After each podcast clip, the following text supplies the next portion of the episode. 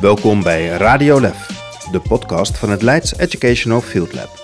We zijn een paar maanden geleden tot de conclusie gekomen dat we scholen willen helpen door structureel studenten uh, op hun scholen in te zetten en echt onderdeel te maken van school. In deze aflevering spreken wij Sander Bos. Sander is de initiatiefnemer van het succesvolle en sociale initiatief Studenten Helpen Scholieren. Studenten Helpen Scholieren is bedacht om scholieren studiebegeleiding te geven omdat de scholen dicht waren door corona. Dus dat is eigenlijk het mooiste wat we zouden kunnen bereiken. Dat de student leert hoe fantastisch leuk het is om in het onderwijs te werken. En iets te doen voor die scholieren en nou ja, bij te dragen aan het onderwijs. Deze podcast is een samenwerking tussen Meesterwerk en Radiolef. Mijn naam is Janja Pubeek. Mijn naam is Sanne van der Linden. Welkom Sander in de podcast. We zijn bij Sanne thuis. Het is een uh, combinatie van Radio Lef en Meesterwerk. En wij zijn ontzettend benieuwd naar jouw verhaal. En dat kan jij veel beter vertellen. Wie is Sander? Wie is Sander? Nou, Sander is net gestopt met studeren. En uh, houdt zich voornamelijk bezig met uh, studenten helpen scholieren. Dus een jaar geleden begonnen met um, eigenlijk het helpen van scholieren met bijlessen. Nu met een fantastisch team elke dag volle bak uh, bezig om dat door te ontwikkelen en te kijken of we nog meer mensen kunnen helpen. Je zegt ik ben gestopt met studeren. Neem mij even mee bij die keuze. Ja, ik ben eigenlijk al vanaf het moment dat ik 14, 15 was aan het twijfelen geslagen. Wat is nou voor mij het beste manier om het te ontwikkelen? Is dat binnen de schoolbanken of is dat buiten de lessen? En ik denk dat de, de combi meest ideaal is. Maar ik heb me altijd een beetje opgesloten gevoeld op school. Waardoor ik me niet goed genoeg voor mezelf kon ontwikkelen uh, buiten school. Daardoor heb ik afgelopen vier jaar uiteindelijk ook maar één jaar gestudeerd. En vooral heel veel bezig geweest met het ontwikkelen van mijn soft skills. Uh, een beetje leiderschap, een beetje samenwerken, een beetje ondernemen. Dat bevalt me zo goed dat ik uh, dacht, we gaan er vol voor. En dat leerde je niet op school? Dat leerde ik in mindere mate op school. Kijk, op school, zeker op de universiteit, is het toch veelal, je krijgt bepaalde kennis aangereikt. Dat moet je leren kennen, daar moet je in thuis worden. En vervolgens maak je een toets. Studenten helpen scholieren daaraan werken. Dat is, we hebben een probleem en we kijken wat wij kunnen doen om dat probleem op te lossen. En wat je allemaal leert in dat proces, dat is zo razend interessant en, en zo mooi voor je ontwikkeling, dat me wel stimuleerde om te stoppen met mijn studie. Ja. Voordat je stopte met je studie, was er dus blijkbaar een verlangen om dat in de wereld te gaan zetten. Wat was de aanleiding dat jij uiteindelijk bent gestopt om studenten helpen scholieren op te richten? Nou ja, eigenlijk is het denk ik best om even helemaal terug te gaan naar middelbare school, even kort. Uh, daar merkte ik dus soms dat ik um, wat opgesloten voelde en tegelijkertijd had ik een klein bedrijfje, websiteje met twee jongens uit mijn klas. En dat was een soort scholieren.com, maar dan was ons belangrijkste doel dat docenten er ook fan van waren. Dus samenvattingen waar docenten achter zouden staan. En toen merkte ik hoe fantastisch mooi het is om bij te dragen aan het onderwijs. En hoe leuk het is om met scholieren te werken, ook al was ik zelf een scholier nog. En um, wat voor impact je daarmee kan hebben. Nou, die ervaring duurde enkele jaren. En toen in de zesde klas was alles uh, opgehouden, was het eigenlijk niet gelukt om dat groot te maken. Maar toen ik een jaar geleden doorhad dat de scholen gesloten zouden worden en wist dat mijn zusje bijles nodig had, dacht ik, nou, ik wil wel die ervaring. En hoe leuk ik dat toen heb gevonden en hoe belangrijk ik dat toen heb gevonden, wil ik inzetten in een nieuw project. En zo is dat een beetje gaan rollen. En wat is gaan rollen? Wij hadden toen, nou, ik, ik kan nu alleen al tien minuten vertellen over de eerste week. Dus ik ga even de, de eerste week, studenten helpen scholieren, ga ik je even kort in meenemen. Um, zondag werd bekendgemaakt dat die scholen gesloten zouden worden. Toen hadden wij het idee, um, we willen de scholieren die hun eindexamen nog moeten doen. Achteraf is dat uiteindelijk niet doorgegaan. Toen wisten we dat nog niet. Toen hadden we het idee om die scholieren te helpen met bijles. En wou ik allemaal andere mensen die ook een studentenbestuur doen en daar niet zoveel voor zouden kunnen doen vanwege corona, vragen om bijles te gaan geven. Nou, dat werd uiteindelijk binnen twee dagen hadden we iets van enkele duizenden uren aan beloofde bijles voor de komende maanden, gratis. En toen dachten we, nou, volgens mij kunnen we hier wel iets mee. Toen is op dag twee een website online gegaan. Op dag drie hadden we Timo Meulenhof achter ons. En hebben zij ons geholpen met een persbericht. En toen waren we op dag vier op het acht uur journaal. Maar toen hadden we nog geen scholier bijles gegeven. Dus dat was een interessante situatie. Uh, maar stonden er wel al honderden studenten achter ons. Uh, volgens mij zaten toen op de 5, 6, 700 studenten die gratis bijles zouden geven op het platform. En toen hebben we eerst iemand aangehaakt die 20 uur scholieren aan studenten gekoppeld heeft. En uiteindelijk een platform gebouwd om dat structureel te blijven doen.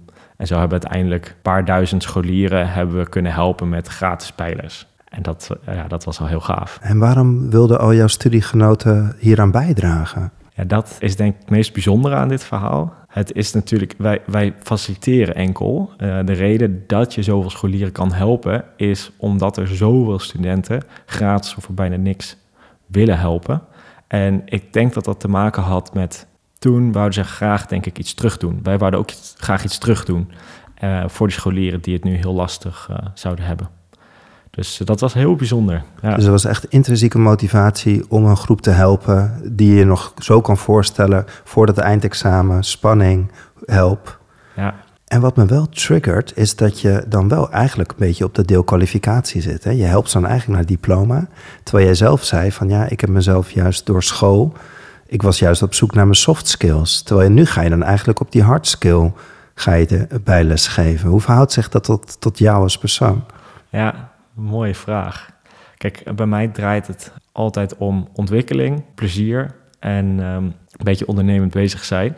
In het kader van mijn ontwikkeling, maar ook vanwege die andere twee zaken die ik heel belangrijk vind, ben ik gestopt met mijn studie en vond ik mijn middelbare school soms ook wel wat lastig. Voor deze scholieren kwam hun ontwikkeling eigenlijk in gevaar. In de zin van, zij zouden zich mogelijk niet goed kunnen voorbereiden op een centraal uh, eindexamen, wat hun mogelijk zou weerhouden om een volgende stap te zetten naar een vervolgopleiding.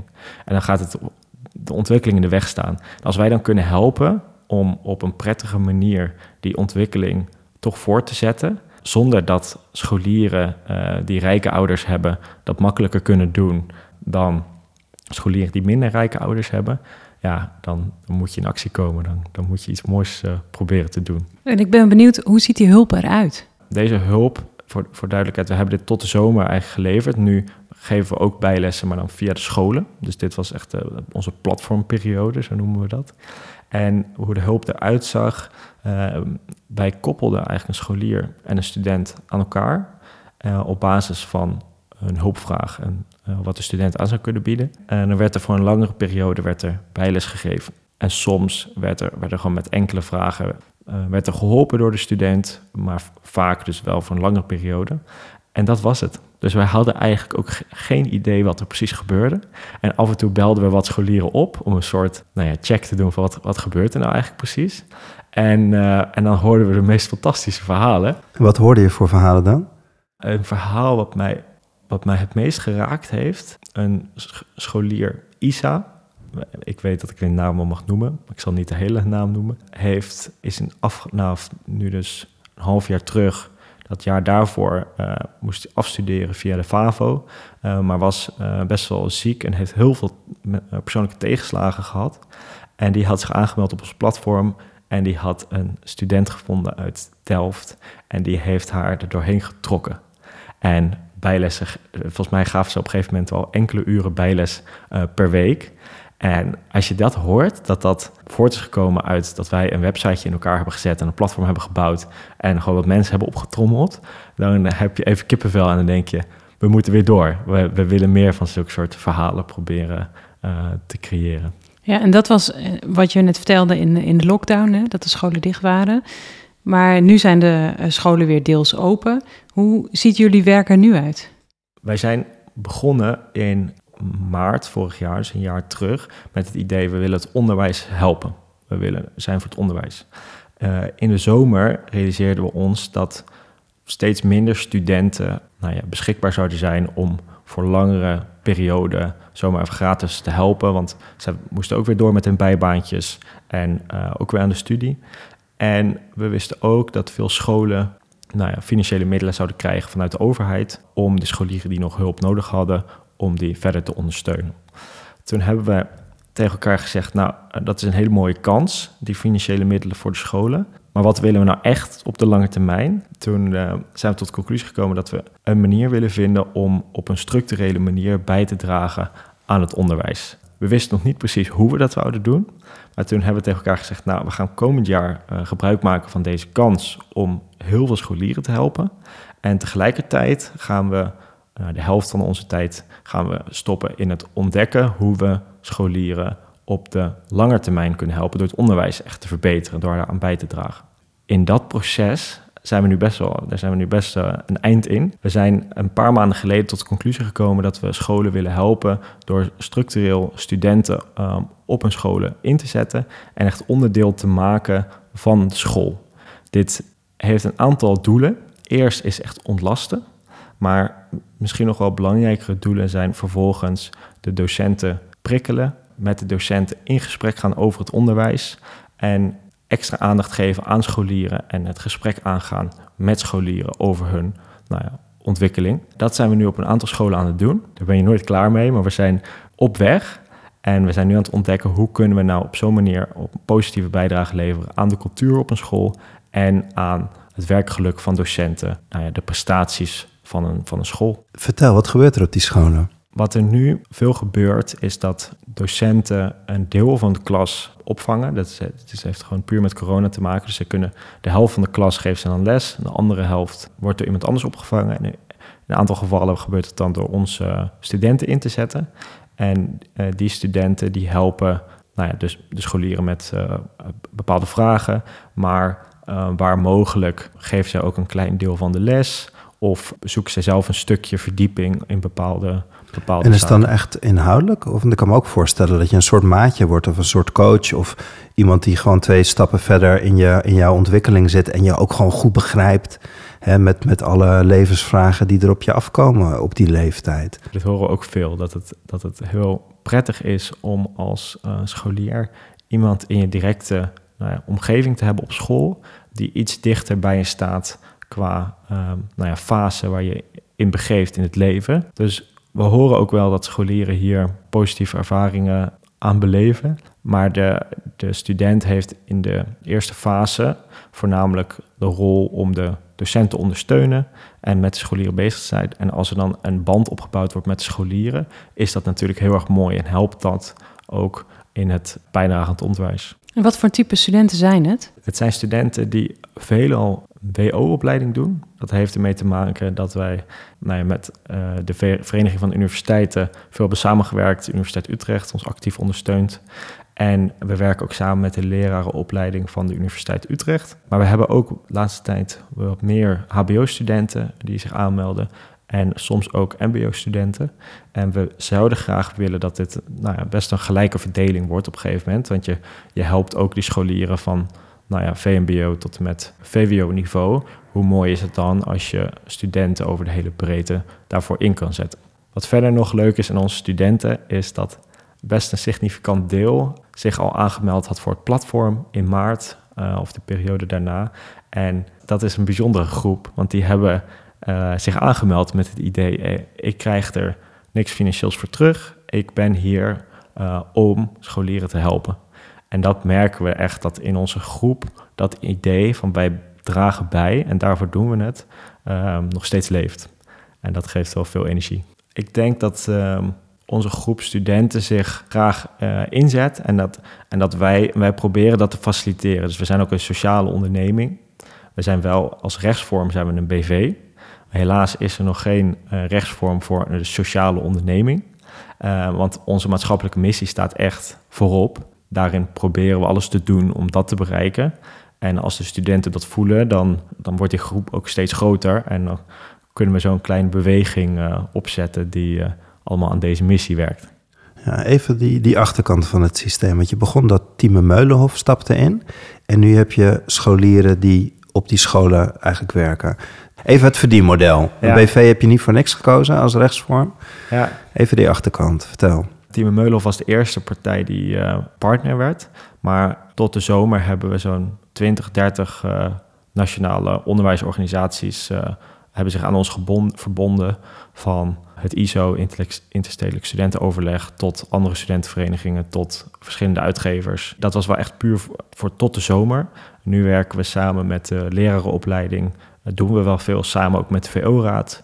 En zijn we ook onderdeel van student inzet op school. Misschien heb je dat voorbij zien komen in de media. Toevallig net vandaag op LinkedIn. Ah, leuk. Ja, dat is een initiatief waar we ook onderdeel van zijn. Dus dat even over de, de partners. Wij zijn als organisatie, uh, vragen wij van een school een uurtarief. En uh, bij studenten inzet op school, daarvoor uh, faciliteren we bijlessen.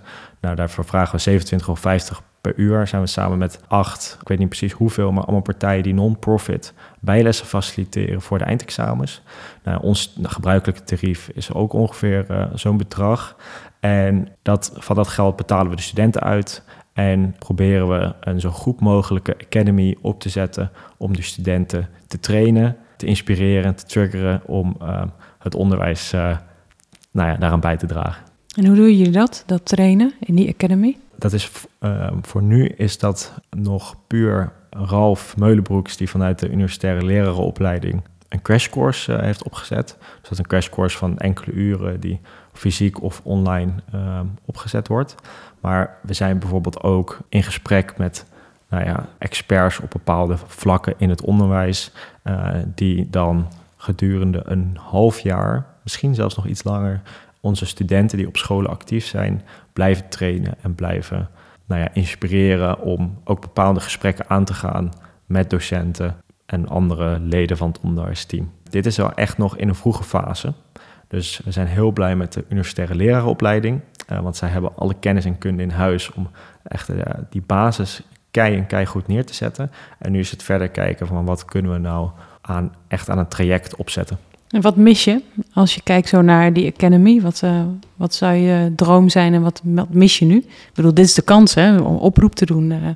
Ja, het lijkt ons heel erg leuk als we onze studenten wat kunnen leren over hoe je vanuit een gesprek samen gaat kijken hoe het beter kan. En dat ligt best gevoelig, want moet je voorstellen dat ik als student op een school uh, ingezet word om te ontlasten. En ik ga vervolgens met de docent uh, in gesprek over hoe die persoon onderwijs geeft. Kijk, hoe je dat vanuit uh, respect en vanuit een, een soort hoger doel om bij te dragen aan het onderwijs doet. Ik denk dat dat een hele cruciale is. Daarnaast is het ook interessant om uh, studenten iets mee te geven over hoe werkt nou een cultuur op een school? Hoe, wanneer is een cultuur bevorderend voor de doelen van een school op de lange termijn en wanneer niet? En welke onderdelen zijn daar belangrijk in? En hoe kun je als student bijdragen aan zo'n cultuur? Ik, ik hoop dat wij over een jaartje of twee echt een perfecte academy hebben waarin we de studenten in een half jaar zulke soort dingen heel mooi mee kunnen geven. Naast de um, nou ja, vereiste dingen als hoe help je scholieren, uh, didactische, vakinhoudelijke, pedagogische uh, elementen daarin, een stukje klassenmanagement, zulke soort zaken. Ja, dat zou natuurlijk fantastisch zijn als je daar studenten structureel uh, in kan trainen. Is het ook de vraag van de scholen? Kom ons helpen de studenten te zien, maar kom ons ook helpen om die cultuur en het onderwijs te verbeteren? Is dat ook, stellen zij zich zo kwetsbaar en open op? In sommige gevallen wel. Toen wij dus dit idee hadden van wat, wat zou een student kunnen betekenen voor een school, dat was de vraag die we ons stelden. En toen kwamen we dus tot de conclusie van, nou ja, dit zouden ze kunnen betekenen. En misschien is dit wel het meest fundamentele wat je zou kunnen doen voor een school. Dachten we, nou ja, uh, de schooldirecteur, ga, ga, gaan zij dit leuk vinden als onze studenten hierin, hiermee komen helpen? En toen waren eigenlijk alle reacties positief. En dat verbaasde me enigszins. En toen hebben we leuke gesprekken gevoerd met meerdere schooldirecteuren. Toen kwam daar nou ja, eigenlijk in naar voren dat zolang studenten met veel respect voor het onderwijsteam en vanuit, puur vanuit de intentie om bij te dragen, daar hun ding komen doen, is het eigenlijk altijd goed. En als dan vervolgens dan ook nog iets kunnen betekenen voor een cultuur, omdat het gewoon jonge, frisse honden zijn. Ik zou als student zou ik ook lekker rond kunnen rennen op een school. Ik doe dat ook op kantoor. Nou, dat zie je toch iemand van, uh, uh, nou ja, wat uh, oudere leeftijd, zie je dat minder snel doen. En dit is een heel klein dingetje, maar dat, zulke soort dingen kunnen een invloed hebben op een cultuur van een school. Zeker als een vaste groep studenten een langere periode nou ja, structureel aanwezig is. Wat werkt? Wat zien jullie gebeuren nu? Als je het even ook over die, die openheid en die verandering in die cultuur hebt. Wat zien jullie wat gewoon werkt? Nou, een aantal, dus we, we zitten echt nog in de, in de eerste fase. Dus ik, ik kan wel één één mooi voorbeeld noemen. er was een student die kwam bij ons terug in een uh, intervisiebijeenkomst. En die zei, ik maakte vanmiddag iets mee wat ik eigenlijk niet zo prettig vond. Een docent zei tegen de groep, maar goed dat jullie VWO-leerlingen zijn, want uh, de HAVO-leerlingen die houden zich helemaal niet aan de regels die ik hier uh, kondig. En dat ging nog een beetje door, waarin de HAVO-leerlingen een beetje negatief neergezet werden. En die studenten kwam bij ons terug met, dat vond ik niet fijn, wat, wat kan ik daar nou aan doen? En toen hebben we een gesprek gevoerd met die studenten ook van, nou, wat zou je dan kunnen doen?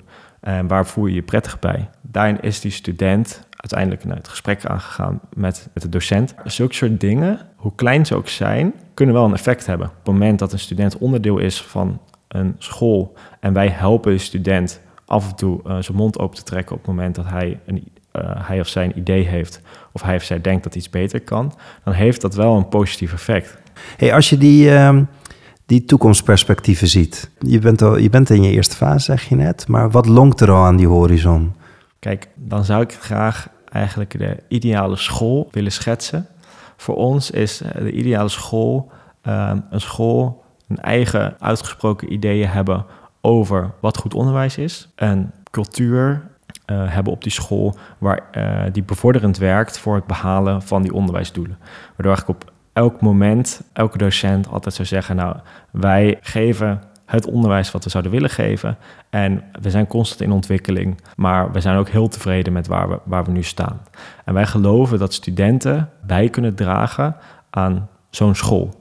En dat het misschien zelfs uh, veel makkelijker is om zo'n school uh, te bewerkstelligen als er uh, een stuk of tien studenten op een docentenpopulatie van 50, 60, 70 docenten aanwezig zijn. En nou ja, bijdragen om die onderwijsvernieuwing en verbetering die constant gaande is, te bewerkstelligen. Ja, want dit zijn incidentele middelen. Die, uh, ja, je hebt de coronagelden, je hebt die 8,5 miljard. Die gaan jullie dus ook gebruiken om, om dit, deze stap te zetten. En hoe ga je naar die, die structurele ja, kant? Dat is de grootste uitdaging waar we nu tegenaan lopen. Dus het is uh, een hele mooie kans dat op het moment er zoveel geld beschikbaar is om de scholieren uh, te helpen. Uh, en om een concept als waar wij nu mee bezig zijn uit te proberen. En we moeten ons in de komende twee jaar op zo'n manier bewijzen dat studenten op een gegeven moment onderdeel worden van de lump sum van een school. Ja, daar doen we nu ons best voor. En we moeten het ook zo goedkoop mogelijk houden voor een school. Dus als het lukt om nou, voor een heel gunstig tarief um, studenten structureel in te zetten op een school. En die student ook uh, heel eerlijk en nou ja, goed te vergoeden, dan zou dat heel mooi zijn. Dus daarin zijn we onszelf zoveel mogelijk aan het, het wegsnijden in dat plaatje, omdat uh, wij natuurlijk extra geld kosten. Uh, dat is nog een ontdekkingsreis. Even, wat leert die student? want die leerling, die help je, die geef je een gezicht, die geef je vertrouwen, die geef je een, een gesprekspartner. Wat leert die student? We hebben het nog niet eens echt gehad ook over het, een van onze belangrijkste doelen. De student een beetje verliefd laten worden op het onderwijs. Dus dat is eigenlijk uh, nog het mooiste wat we zouden kunnen bereiken. Dat de student leert hoe fantastisch leuk het is om in het onderwijs te werken. En iets te doen voor die scholieren en nou ja, aan het onderwijs. Daarbij is het uh, natuurlijk het, het, het, helpen van scholieren één op één, maar ook het helpen van scholieren in groepjes. Het samenwerken met een docent. Uh, daar zitten zoveel uitdagingen in die je vervolgens, nou, als je die overwint, ook zo breed kan inzetten in je, je loopbaan later of in je persoonlijke leven. Daar, we merken ook al dat veel studenten het doen voor hun persoonlijke ontwikkeling. En niet voor dat, nou ja, het uursalaris wat we ze geven. In welke regio zitten jullie nu allemaal? Faciliteren dus uh, docentassistenten op school en online bijlessen. Nou ja, dus die, die zijn eigenlijk door het hele land. En op school uh, werken voornamelijk regio Amsterdam, regio Utrecht en een heel klein beetje in Flevoland. En jouw taak is het om, om dat eigenlijk ook uit te breiden en daar ook weer de studenten bij te vinden? Mijn taak kan ik niet zo goed omschrijven eigenlijk. Kijk, het is onze taak om het zo goed mogelijk te regelen en ervoor te zorgen dat uh, nou ja, die studenten echt van waarde zijn voor de school. En het verschilt per week wat daarvoor het belangrijkste is om te doen. Dus afgelopen week zat ik sollicitaties te doen met nieuwe studenten. Deze week spreek ik veel scholen.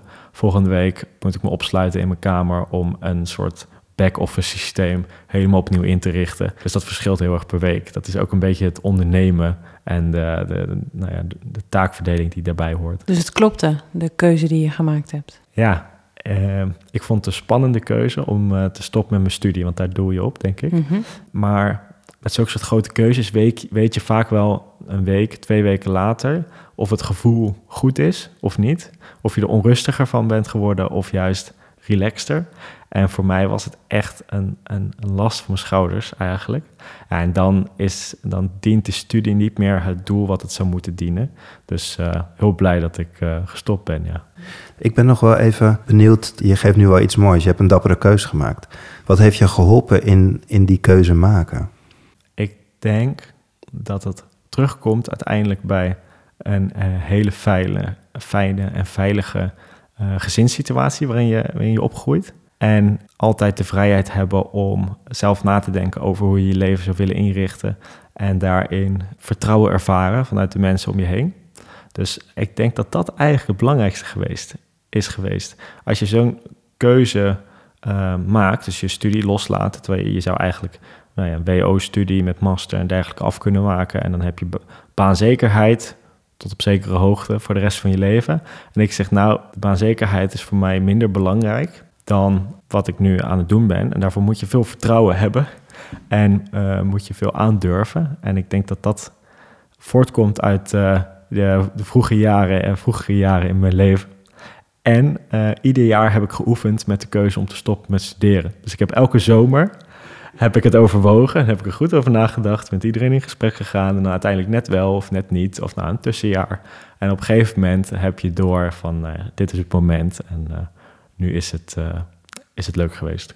Dan ben ik wel heel benieuwd, want je zegt iets heel moois. Is je, ook dat je heel erg vanuit vertrouwen en vanuit jouw pad wil gaan. Als je dan naar het onderwijs kijkt en naar die toekomst en je wilt het onderwijs verbeteren, aan welke knoppen zou je zo graag willen draaien in dat onderwijssysteem? Leuk dat je dit opbrengt. Dat, dat bedacht ik me net nog dat ik het leuk vind om daar ook nog even over te hebben. Want kijk, als je echt wel bijdraagt aan het onderwijs, dan is school is één ding. Ik denk uiteindelijk het aller, allerbelangrijkste element in het onderwijssysteem. Maar het is een heel systeem. We hebben ons ook afgevraagd van wat zouden we nou kunnen doen om breder te werken aan dat systeem. Voor mij is een voorbeeld hierin is uh, Jan, uh, Jan Fase, die uh, Agora ehm, heeft opgezet. Ik geniet, af en toe uh, doe ik een wandelingetje en dan geniet ik daar enorm van. En uh, blijft me altijd inspireren uh, daarin. Ook hoe, hij is nu bijvoorbeeld met de lerarenopleiding in gesprek, omdat hij daar bepaalde ideeën bij heeft. En wij zouden graag ook kunnen, willen kijken van, zouden we nou met het ministerie OCW um, in gesprek kunnen gaan over bepaalde zaken in het onderwijs. Een mooi voorbeeld is, denk ik, is dat we een motie hebben ingediend uh, met de ChristenUnie, met Gertjan Segers, uh, toen die 8,5 miljard beschikbaar werd gesteld voor het onderwijs. We hebben samen gezegd, nou, als dat geld er komt, laten we dan ook samen een plannetje maken om al die studenten die ingezet gaan worden in het onderwijs met die 8,5 miljard, om die studenten, nou ja, ga ik het weer zeggen, maar een beetje verliefd te laten worden in het onderwijs, uh, op het onderwijs. Dus een, warm te maken voor een baan in het onderwijs, want dat is zo'n grote kans. En als het dan zou lukken om dan iets bij te dragen um, aan het oplossen van het lerarentekort, geeft dat vervolgens weer veel ruimte aan de docenten en uh, geeft dat docenten weer beter de kans om nou ja, dromen of doelen die zij nog hadden voor buiten de klasse uh, te bewerkstelligen. Dus dat is een mooi voorbeeld en we willen kijken wat voor knoppen we verder nog zouden kunnen draaien. Je intentie vind ik heel mooi, maar hij is ook nog een beetje voorzichtig. Om verliefd te worden moet je soms ook nog wel gewoon je haar losgooien. Misschien uh, even goed uh, shinen. Hoe zou je het onderwijs nou beter kunnen laten shinen? Om aantrekkelijk te zijn voor, voor die doelgroep. Want blijkbaar is er verleiding nu nodig. Ja. Vallen ze niet zomaar bij bosjes uh, in verliefdheid voor het onderwijs? Nee. Hoe zou je ze wel meer verliefd kunnen maken? Kijk, ik werd uh, verliefd op het moment dat ik zelf kon bijdragen aan het onderwijs. Dus met dat, die website Um, ook al was dat nog wel in hele lichte mate. Dat was voor mij het moment. Ik denk dat op het moment dat je scholen in algemene zin het ze makkelijker lukt om hun doelen voor de komende tien jaar te behalen en die ook steeds ambitieuzer op te stellen, het een steeds uh, aantrekkelijkere plek wordt om te werken. Ik hoor toch vaak dat docenten of schoolleiders ambities hebben die ze nu vanwege werkdruk of vanwege andere zaken, bepaalde starheid, niet kunnen behalen. En ook niet verwachten dat dat de komende jaren wel haalbaar wordt. Als het lukt om daarin eigenlijk makkelijker in beweging te komen, dat is ook precies waar we mee willen helpen met die studenten, uh, dan word je een interessantere werkgever, want dan ben je in beweging en we weten allemaal hoe mooi het is om onderdeel te zijn van een, een plek in beweging. Dan word je denk ik een stuk aantrekkelijker. Dus ik denk dat dat misschien wel het belangrijkste is. En je hebt natuurlijk het salaris. En, en, en dat zijn dan zaken waar je, waar je, waarvoor je bij OCW moet aankloppen. En de waardering. En dat is gelukkig door corona ook wel uh, enorm verhoogd, uh, mijn idee. En als je naar de cijfers kijkt uh, van de lerarenopleiding aanmeldingen. Dus dat zijn wat zaken. Je denkt niet van, hey, waar je helemaal de podcast mee begon... ik wilde eigenlijk mezelf die soft skills leren... dat we daar meer aandacht voor zouden moeten krijgen. Dat we dan makkelijker verliefd worden op die sector. Ik denk dat, dat we nu te veel uitgaan van kennis en breder moeten kijken naar de ontwikkeling van de, van de mens en hoe we ons onderwijs daarop inrichten. Maar elke school ehm, heeft hier eigen ideeën bij. En ik zou heel graag puur helpen die school hun eigen idealen te verwezenlijken. En als daarin het ideaal is om hele sterke vakinhoudelijke studenten af te leveren, die uh, nog niet zoveel ervaring hebben op het gebied van samenwerken, op het gebied van uh, presenteren, op het gebied van zulke soort zaken. En dat trekt bepaalde scholieren aan waarvan zij hopelijk, en niet enkel de ouders, zeggen: uh, dat is hoe ik mijn onderwijs wil, inrichten, onderwijs wil inrichten. Dan vind ik dat fantastisch. Ehm, ik persoonlijk heb ook wel een, nou ja, een wat ander beeld bij die, die ontwikkeling. Maar wij als organisatie en ik met mijn goede bedoelingen voor het onderwijs uh, wil vooral helpen om de idealen van de school nou ja, uh, te verwezenlijken. Ik ben altijd zo benieuwd, kom je uit een onderwijsnest? Kijk, dit is ook leuk. Dan mag ik mijn opa nog even noemen. Want mijn opa die uh, is ondertussen nou ja, boven de 90 en die is docent geweest zijn hele leven. En hij was altijd wel een voorbeeld, is nog steeds een voorbeeld voor mij. we hadden het net over het onderwijs wat je verleidt. En het leuke was, hij is docent geworden omdat hij school zo'n ontzettend fijne plek vond. Dat was voor hem een veel prettigere plek dan thuis, waar het koud was. Uh, ze, ze, hadden het niet zo breed. Dus, uh, nou ja, en na mijn opa volgden een aantal uh, neven, nichten, ooms van, vanuit deze hoek in de familie. En mijn ouders zijn allebei arts, dus die, maar die doen wel ook heel veel met opleiden en met onderwijs. Dus uh, ik, ik, ik heb toch wel het gevoel dat ik een beetje uit een onderwijsnest kom. Uh, ja. Sander, dankjewel. Ja, leuk. Leuk om uh, gesprekken aan te gaan. Ja, Bedankt. Mooi verhaal en mooi om je passie te zien ook. Dankjewel. Deze podcast is een samenwerking tussen Meesterwerk en Radiolef de podcast van het Leiden Education Field Lab. Een energieke broedplaats waar kennisdeling centraal staat en men kan sparren zonder beperkingen met lef en liefde voor het onderwijs. Voor meer informatie kijk op www.hetlef.nl.